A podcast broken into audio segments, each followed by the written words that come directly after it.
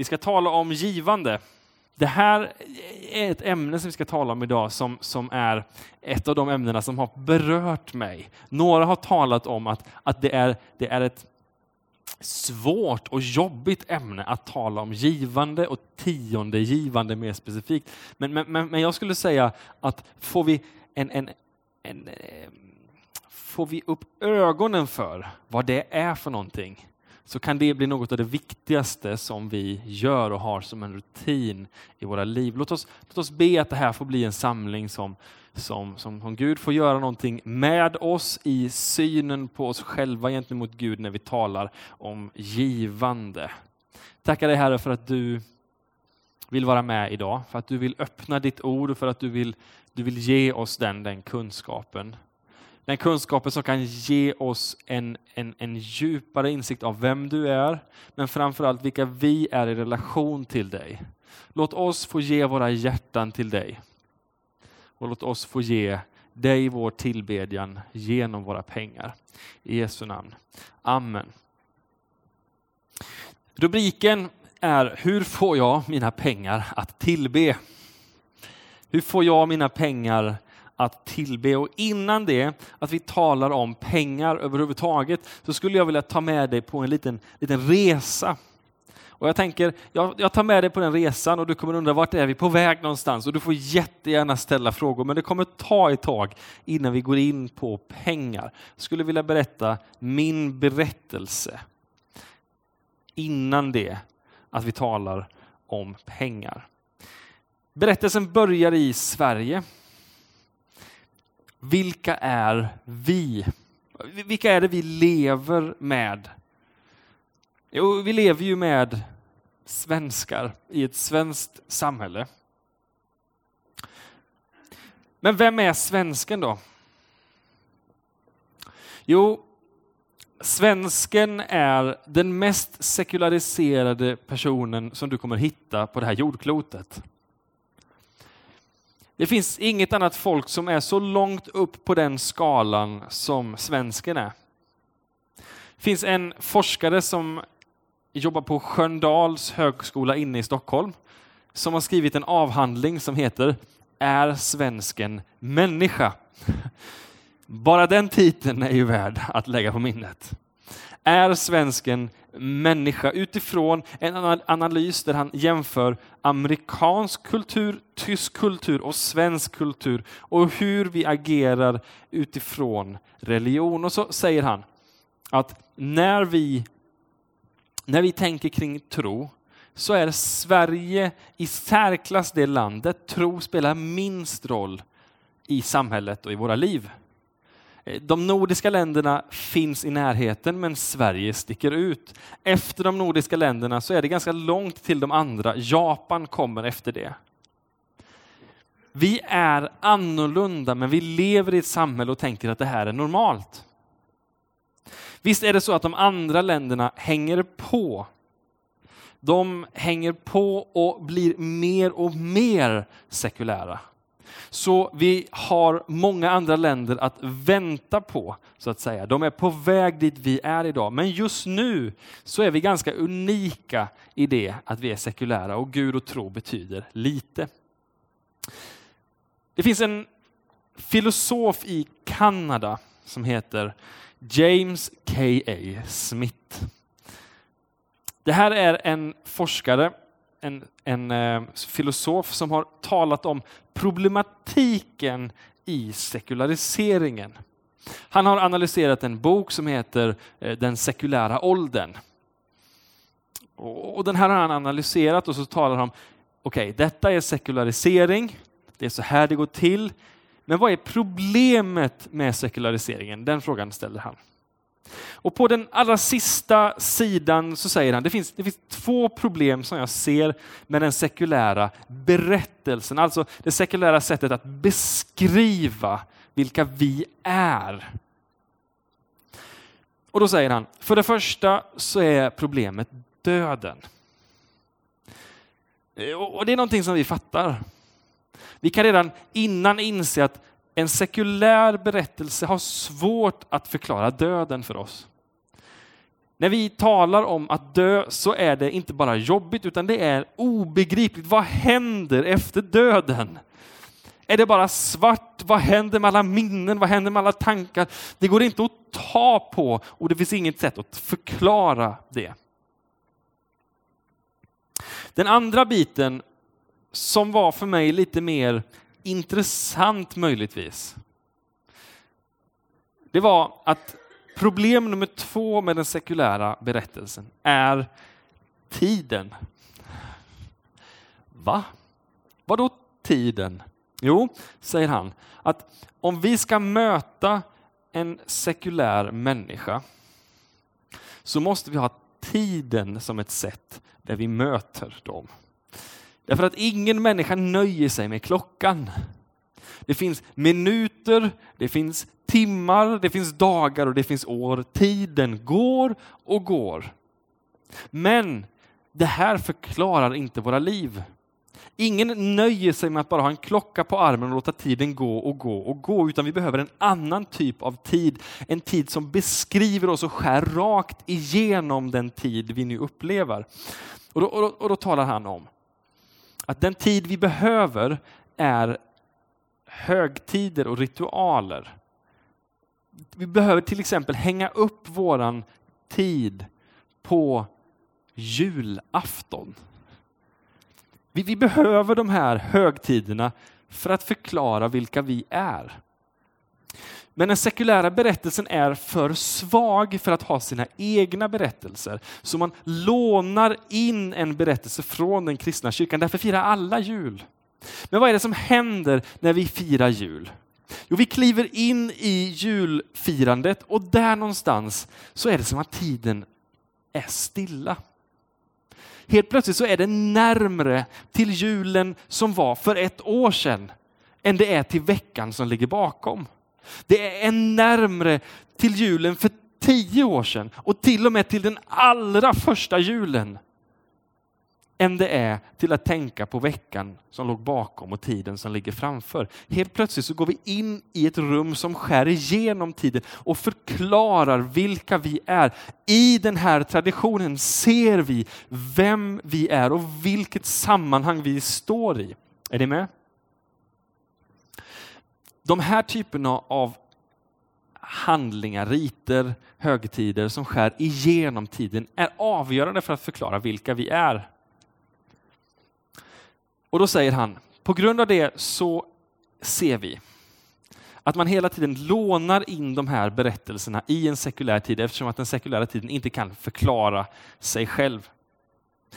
När någon dör som inte har trott på Gud och inte trott på himlen så väljer man ändå att ha den begravningen i en kyrka med en präst som talar om Jesus Gud och vad som händer efter döden. Därför att det finns ingenting annat som kan förklara detta än den kristna tron. Känner ni till författarna C.S. Lewis och Tolkien? De flesta av oss kanske har hört om Sagan av ringen och, och, och berättelsen om, om Narnia. Det här var två stycken författare i England som eh, levde nära varandra. C.S. Lewis var en varmt troende kristen som fick leda Tolkien till tro. De två var alltså inte bara författare som kände varandra utan trossyskon.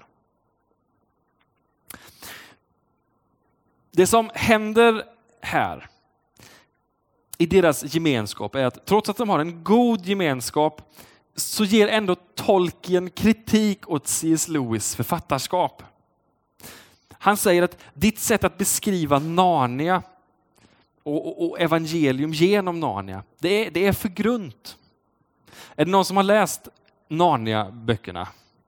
Några nickar lite grann. Och, ja. Det finns, finns ju en berättelse som handlar om häxan och lejonet.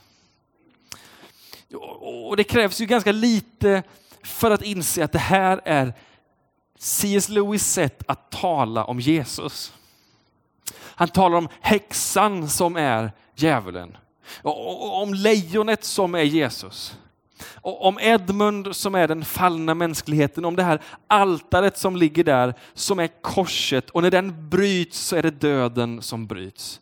Aslan behöver ge sitt liv och uppstår sen igen för att han har gjort det av kärlek. Då säger tolken, det där räcker inte för mig. Det blir alldeles för uppenbart. När vi beskriver evangelium så måste vi beskriva det djupare och vackrare. Kom igen! Och så säger tolken att när jag kom till tro så var det den kristna berättelsen som fångade mig. Jag såg det vackraste jag någon gång sett. Jag såg det skönaste och mest fullkomliga berättelse jag sett. Alla berättelsers ursprung och moder har vi i denna berättelse. Därför kom jag till tro, säger han. Så när jag beskriver evangelium genom mina böcker, Sagan om ringen, så gör jag det på ett annat sätt, ett lite djupare sätt. Han, han, tar och beskriver hur Bilbo lämnar ringen till Frodo som för den här ringen som är syndens börda som han brottas med genom Midgård, genom hela hans liv, upp på den här klippan och offrar den ner så att den ska gå bort. Men i detta är han förändrad och han offrar en del av sig själv. Vi ser hans andra messiasgestalt som är Gandalf, Gandalf den grå som går igenom hela Midgård tillsammans med det här sällskapet, går in i Moria berg. Där brottas han med avgrundsdemonen, kastas ner i djupet, dör där, uppstår igen som Gandalf den vite och besegrar mörkret i världen.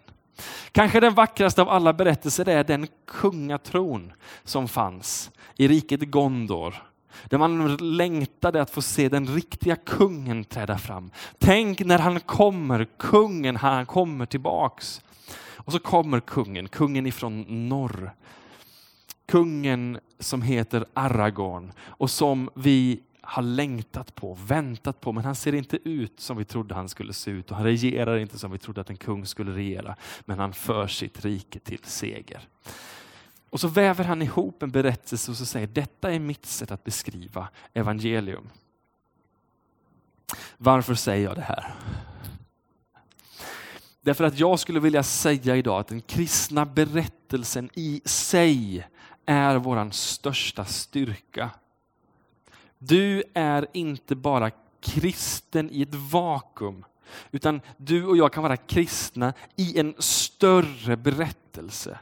Vi är inte ensamma utan vi står tillsammans nu, men också tillsammans med historien. Paulus talar om detta i Galaterbrevet 3. Och I Galaterbrevet 3, jag tror, nu ska vi se vilken vers det var. Galaterbrevet 3 och 26 så står det. Alla är ni nämligen genom tron Guds söner i Kristus Jesus. Är ni döpta in i Kristus har ni också iklätt er Kristus. Nu är ingen längre jude eller grek, slav eller fri, man eller kvinna. Alla är ni ett i Kristus. Men om ni tillhör Kristus är ni också avkomlingar till Abraham och arvingar enligt löftet. När han säger detta så är det här provocerande och obegripligt för de som lyssnar. Han talar till greker. Och de inser att de är inte Abrahams avkomlingar. De har inte en droppe judiskt blod i sina ådror. Men här så säger Paulus, ni som inte är Abrahams avkomlingar är hans avkomlingar. Ni som, ni som inte var arvingar enligt löftet, ni, ni är arvingar enligt löftet. Genom Jesus Kristus så har det hänt någonting med vilka ni är. Ni har gått från en typ av mänsklighet till en annan typ av mänsklighet. Det som var finns inte längre. Ni har kommit in i någonting nytt. Den berättelsen, som är Jesu berättelse, är nu din berättelse. Jag vet inte, brukar ni använda den här, det här ordredigeringsprogrammet Word? Ibland. Där finns det sådana här enkla kortkommandon som man kan ha. Ctrl C, Ctrl V. Jag använder dem ganska ofta. Copy, paste.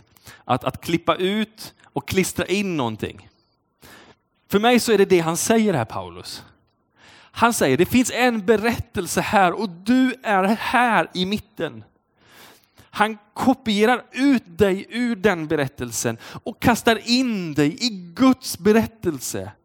Copy, paste, du har fått ett nytt sammanhang.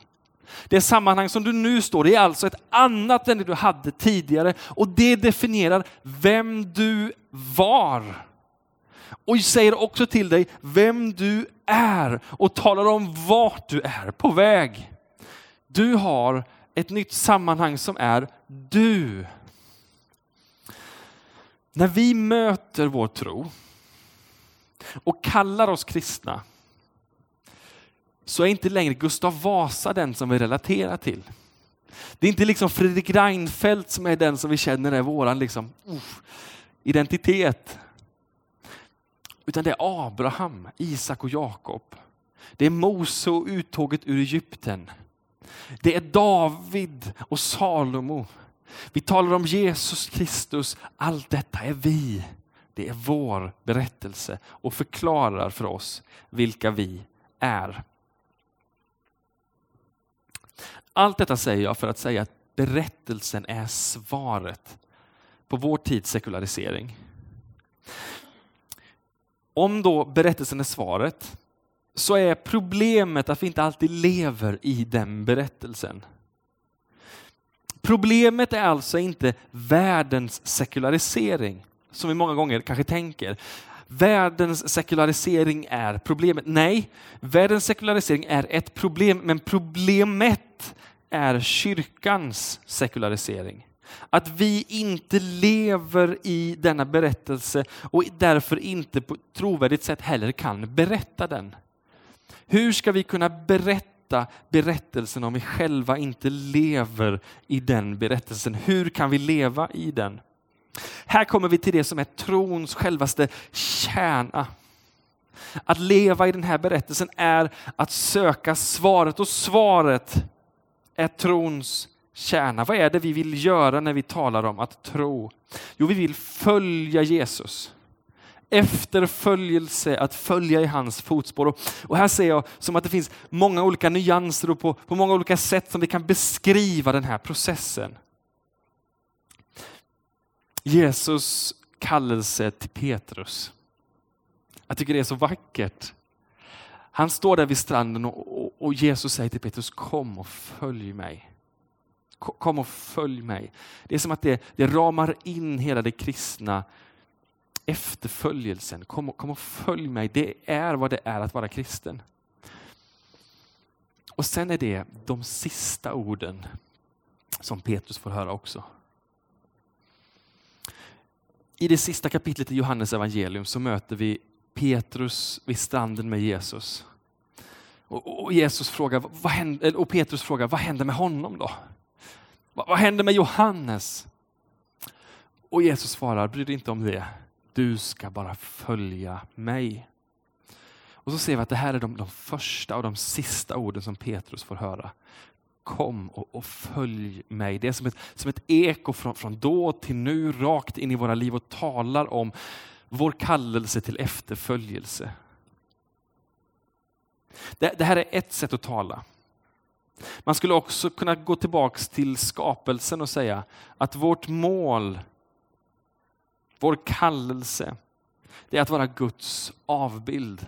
Han, han, han skapade oss, gjorde oss till man och kvinna, till Guds avbild skapade han dem.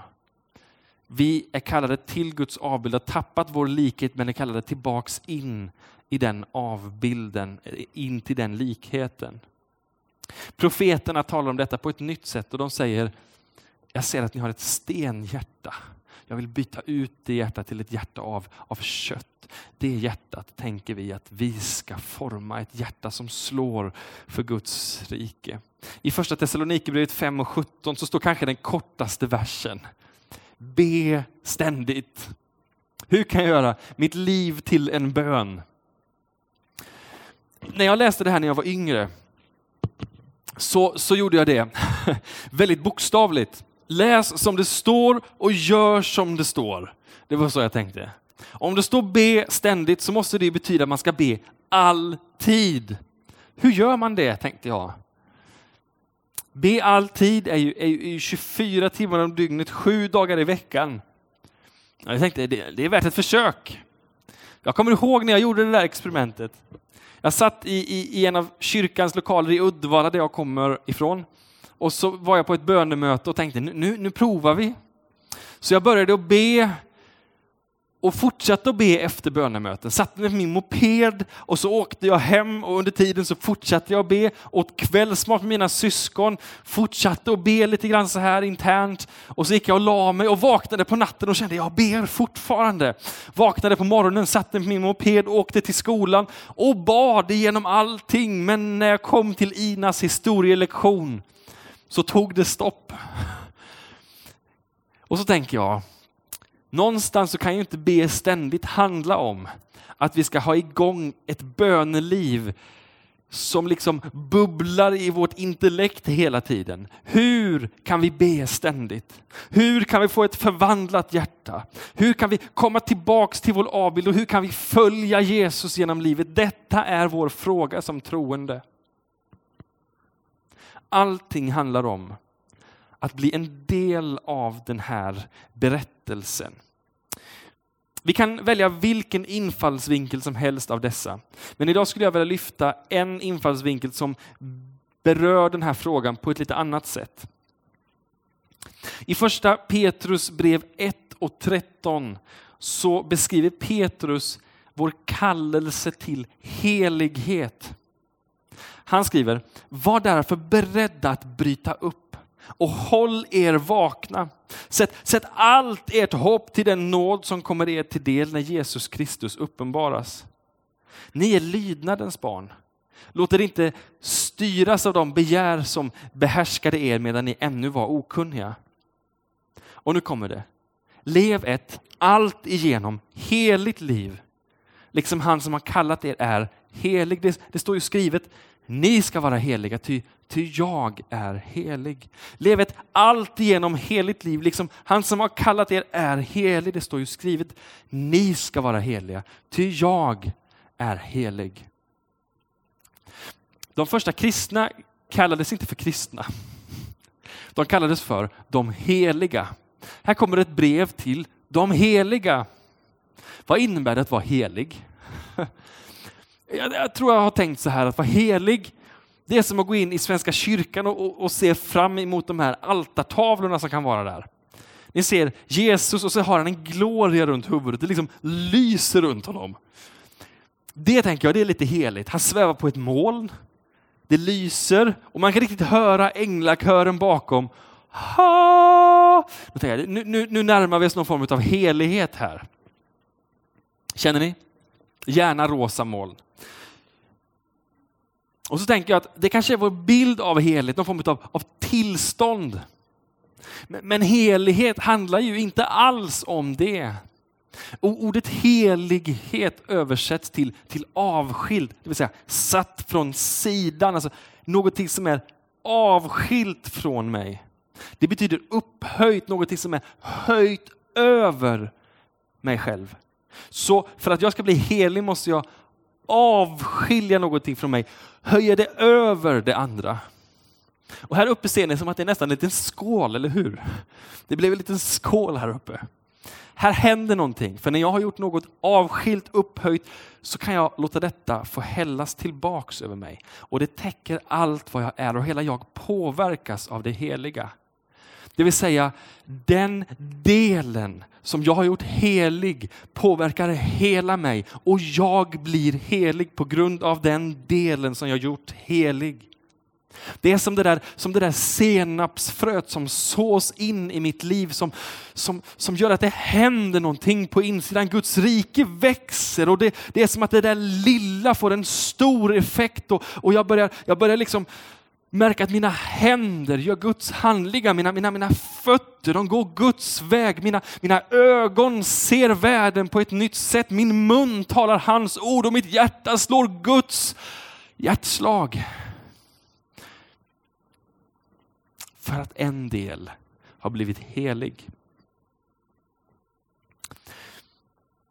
Det handlar alltså inte om att vara utan synd. Att vara helig handlar inte om att vara utan synd. Men att vara utan synd är en av konsekvenserna till helighet. Låt oss ta Jesu dop som ett exempel. Visst är det märkligt det där? Jesus kommer till Johannes och så säger Johannes, du behöver inte döpas. Och så säger Jesus, jo, jag behöver döpas för att fullgöra all rättfärdighet. Varför döpte de Jesus? Därför dopet handlade inte Dopet handlade inte om att bli syndfri, utan att bli avskild. Det här låter provocerande för många, men i dopet blev Jesus helig. Var han inte helig innan? Jo, i bemärkelsen syndfri var han självklart helig. Men i bemärkelsen avskild för sitt uppdrag så är detta det viktiga. När vi i de första kapitlen i Apostlagärningarna ser vem ska ersätta Judas? Vem har varit med oss sedan Jesu dop? Varför är det viktigt? Därför då blev han avskild till sin tjänst. Det är efter denna avskildheten, denna heligheten som han prövas i öknen. Det är då det börjar hända någonting i Jesu liv. Som talar om hans uppdrag. Okej. Okay. Det här är del ett. Och nu har vi inte talat någonting om ekonomi. Eh, jag har fem år suttit med i en styrelse som heter Pingst utbildning. Pingst utbildning har hand om folkhögskolorna och bibelskolorna i Pingst. Och där så finns det en styrelseordförande som heter Johannes Magnusson. Han är med i Smyna kyrkan och jobbar som pastor där. Och för ett par år sedan så pratade jag med honom lite grann och då kom vi in på ämnet ekonomi. Och så sa han, ja, vi har haft ett riktigt risigt år med vår ekonomi i kyrkan. Hur gjorde ni då, frågade jag. Jo, vi bestämde oss att göra en undersökning för att se varför ekonomin ser så dålig ut. De har väl någonting runt 3000 medlemmar om inte jag har kollat fel. Men då gjorde de så att de skickade ut till alla medlemmar e- ett underlag där man skulle svara på några frågor. Varför ger du? Hur mycket ger du? Vad är det som motiverar dig till att ge? Och så såg de när de fick in svaren att ungefär 10 procent av församlingens medlemmar är med och ger in i församlingen och bär församlingen. Och så tänker man, en stor församling som Smyrna i Göteborg, att det bara skulle vara 300 personer som bär den församlingen ekonomiskt. Det i sig är ju lite intressant, men jag tror också att det är ganska representativt för ganska många församlingar. Att det är en väldigt liten del som ger och av de som är aktiva, även av dem är det ganska få som ger. Vad är det då som motiverar till att ge? Jo, det som motiverar oss till att ge handlar inte om brinnande kollekttal. Det, det, handlar, det handlar inte om att vi ser att det finns stora budgetunderskott eller stora mål som vi ska nå. Utan det handlar om att vi kan se att det är bibliskt motiverat att ge. När vi tror och förstår att det här är en biblisk princip att stå på, då börjar vi ge.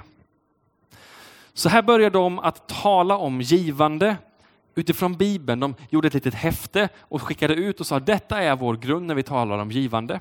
De bestämde att en gång om året ska vi predika om givande och tre gånger om året ska vi tala utläggande i ett kollekttal om givande och varför vi ger. På ett år ökade de sitt, sitt offrande och sitt tiondegivande dramatiskt.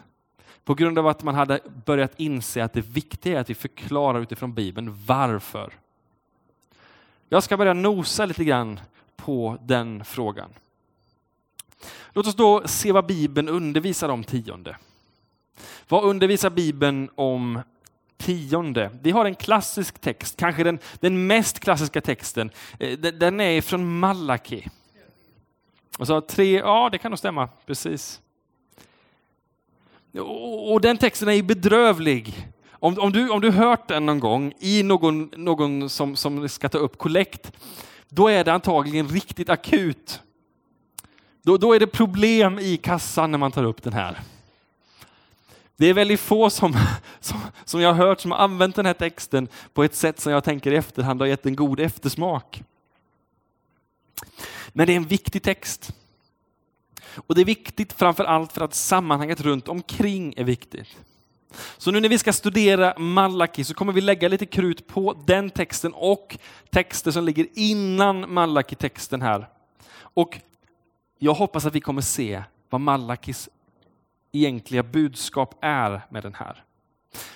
Jag ska läsa den här texten från kapitel 6, eller från, från 3, 6 till 12. Jag, Herren, har inte förändrats. Och ni, Jakobs barn, är som ni alltid har varit. Ända sedan era fäders tid har ni avvikit från mina stadgar och, och inte hållit dem. Vänd tillbaka till mig så vänder jag tillbaka till er, säger Herren Sebot. Då säger ni, hur då vända tillbaka? Så en människa får röva från Gud. Ni rövar från mig, då säger ni, hur har vi rövat från dig? Tionden och offergåvor har ni rövat. Ni drabbas av förbannelse, ändå rövar ni från mig. Alla och en var. Kom med hela tiondet till förrådshuset. Där har du det. Kom med hela tiondet till förrådshuset så att det finns mat i mitt hus. Sätt mig på ett sådant prov, säger Herren, då kommer jag öppna himlens fönster och låta ett ymnig välsignelse strömma ner över er. Jag ska skrämma bort gräshopporna så att de inte förstör markens gröda för er och så att era vinodlingar inte blir utan frukt, säger Herren Sebaot. Då ska alla folk prisa er lyckliga och ni ska få ett härligt land, säger Herren Sebaot. Intressant text. Jag skulle vilja ta upp fyra stycken delar utifrån Malaki. För det första, församlingens kapacitet. För det andra, Guds ära. Och för det tredje, Gud som söker vårt hjärta. Och för det fjärde, pröva mig i detta. Församlingens kapacitet, Guds ära, Gud som vill ha vårt hjärta och för det fjärde, pröva mig i det här. För att gå vidare i det här så behöver jag läsa en längre text i Malaki. Jag ska läsa från Malaki kapitel 1, vers 6 och ända till kapitel 2, vers 6. En lång text. Men innan det ska vi gå in på punkt 1. Församlingens kapacitet. Det står kommer hela tiondet till förrådshuset så att det finns mat i mitt hus. Man gav tionde från folket till leviterna för att leviterna skulle kunna vara präster och tjäna i templet. Men när man inte fick in tiondet, då var man tvungna att lämna sina poster, åka hem till sina städer och själva börja bruka jorden. Det innebar att templet förföll, att gudstjänsten blev nedgraderad. Och det ledde till att templet inte kunde göra det som man ville göra. Man kunde inte hjälpa de fattiga och sjuka i samhället. När vi såg att man inte gav sitt tionde så förföll templet. Och så tänker jag, det är uppenbart att det skedde då. Men det är någonting som redan har skett idag. Om vi applicerar det här på vår församling och säger att Smyna församlingens princip även gäller för oss. Tänk om det är så att det bara är en bråkdel i våra församlingar som bär upp församlingens ekonomi. Vänd på den kakan och låt oss drömma framåt. Låt oss tänka vad mycket vi skulle kunna göra om vi tillsammans hade burit fram våra gåvor till Gud. Tänk på hypotesen om vi hade kunnat ha tio gånger mer resurser. Vilka lokaler vi skulle kunna ha, vilka pastorer vi skulle kunna ha, vilken verksamhet i samhället vi skulle kunna ha, vad många människor vi skulle kunna möta med deras behov. Och så tänker jag, den församlingen som vi ser då är en attraktiv gemenskap som kan göra ett tydligt avtryck där vi är. Det blir samhällets centrum som visar att det här är ett annat sätt att leva. Tänk om vi skulle kunna komma dit. Låt oss gå in i den andra biten som talar om Guds ära, men för att gå in i den så vill jag läsa det här långa stycket. Från Malaki 1 och 6. En son visar aktning för sin far och en tjänare för sin herre. Men om jag är fader var det aktningen för mig, om jag är herre var det vördnaden för mig. Det säger Herren Sebaot till er präster, ni som föraktar mitt namn. Då säger ni, hur visar vi förakt för ditt namn? Genom att komma med oren föda till mitt altare. Då säger ni, hur har vi gjort den oren?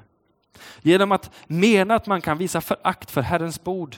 Ni kommer med blinda offerdjur. Är inte det något ont? Ni kommer med halta och sjuka djur. Är inte det något ont? Om du går till ståthållare med dem, tror du att han uppskattar det och visar dig välvilja? Säger Herren Sebaot. Och här vill ni beveka, Herr, beveka Gud och visa oss nåd. Kan han visa välvilja när ni kommer med sådant, säger Herren Sebaot. Om ni ändå ville stänga tempeldörren och låta bli att tända min altareld i onödan. Jag vill inte veta av er, säger Herren Sebot. Jag tar inte emot några offer av er. Från, från öster till väster är mitt namn stort bland folket och överallt frambär man rökelseoffer åt mitt namn, rena offer. Ty mitt namn är stort ibland folken, säger Herren Sebot, men ni vanhelgar det när ni menar att Herrens bord är orent och hans mat är värd förakt. Ni säger, vilket besvär och, och fnys bara, säger Herren Sebot. Ni kommer med stulna, halta och sjuka djur, frambär dem som offer skulle jag ta emot sådana gåvor av er, säger Herren. Förbannade den bedragare som lovade att offra ett handjur ur sin jord, men sedan frambär ett snöpt djur åt Herren. Ty jag är en stor kung, säger Herren Sebot, och mitt namn är fruktat bland folken. Därför präster, gäller nu detta bud för er. Om ni inte lyder och inte lägger på hjärtat att ära mitt namn, säger Herren Sebaot, ska jag sända förbannelse över er. Jag ska vända er välsignelse i förbannelse. Ja, jag har redan vänt den i förbannelse eftersom ni inte har lagt just detta på hjärtat. Jag ska bryta er livskraft och slänga avfall i ansiktet på er, slaktavfall från era offerplatser. Ni måste inse att jag har gett er detta bud för att mitt förbund med Levi ska bestå, säger Herren Sebot. Mitt förbund med honom som innebär att jag skulle ge honom liv och välgång och han skulle visa mig vördnad och frukta mitt namn. Sann vägledning kom ur hans mun. Inget orätt fanns på hans läppar. I obrottslig trohet höll han sig till mig och hindrade många från att ådra sig skuld. Lång text. Guds ära. I vers 7 så står det, då säger ni, hur har vi gjort den oren? Det kan lika gärna översättas, hur har vi gjort dig oren? Malaki talar här om att genom de här offren som ni gett, som inte är värdiga offer, har ni inte bara orenat tempeltjänsten, ni har orenat mig, säger Gud. Här handlar det om att ära Gud genom det vackraste vi har. Att vi visar hur mycket Gud är värd och hur mycket han ska äras genom prislappen vi sätter på offret. Ja, kanske inte så mycket prislappen utan kvaliteten på det vi ger.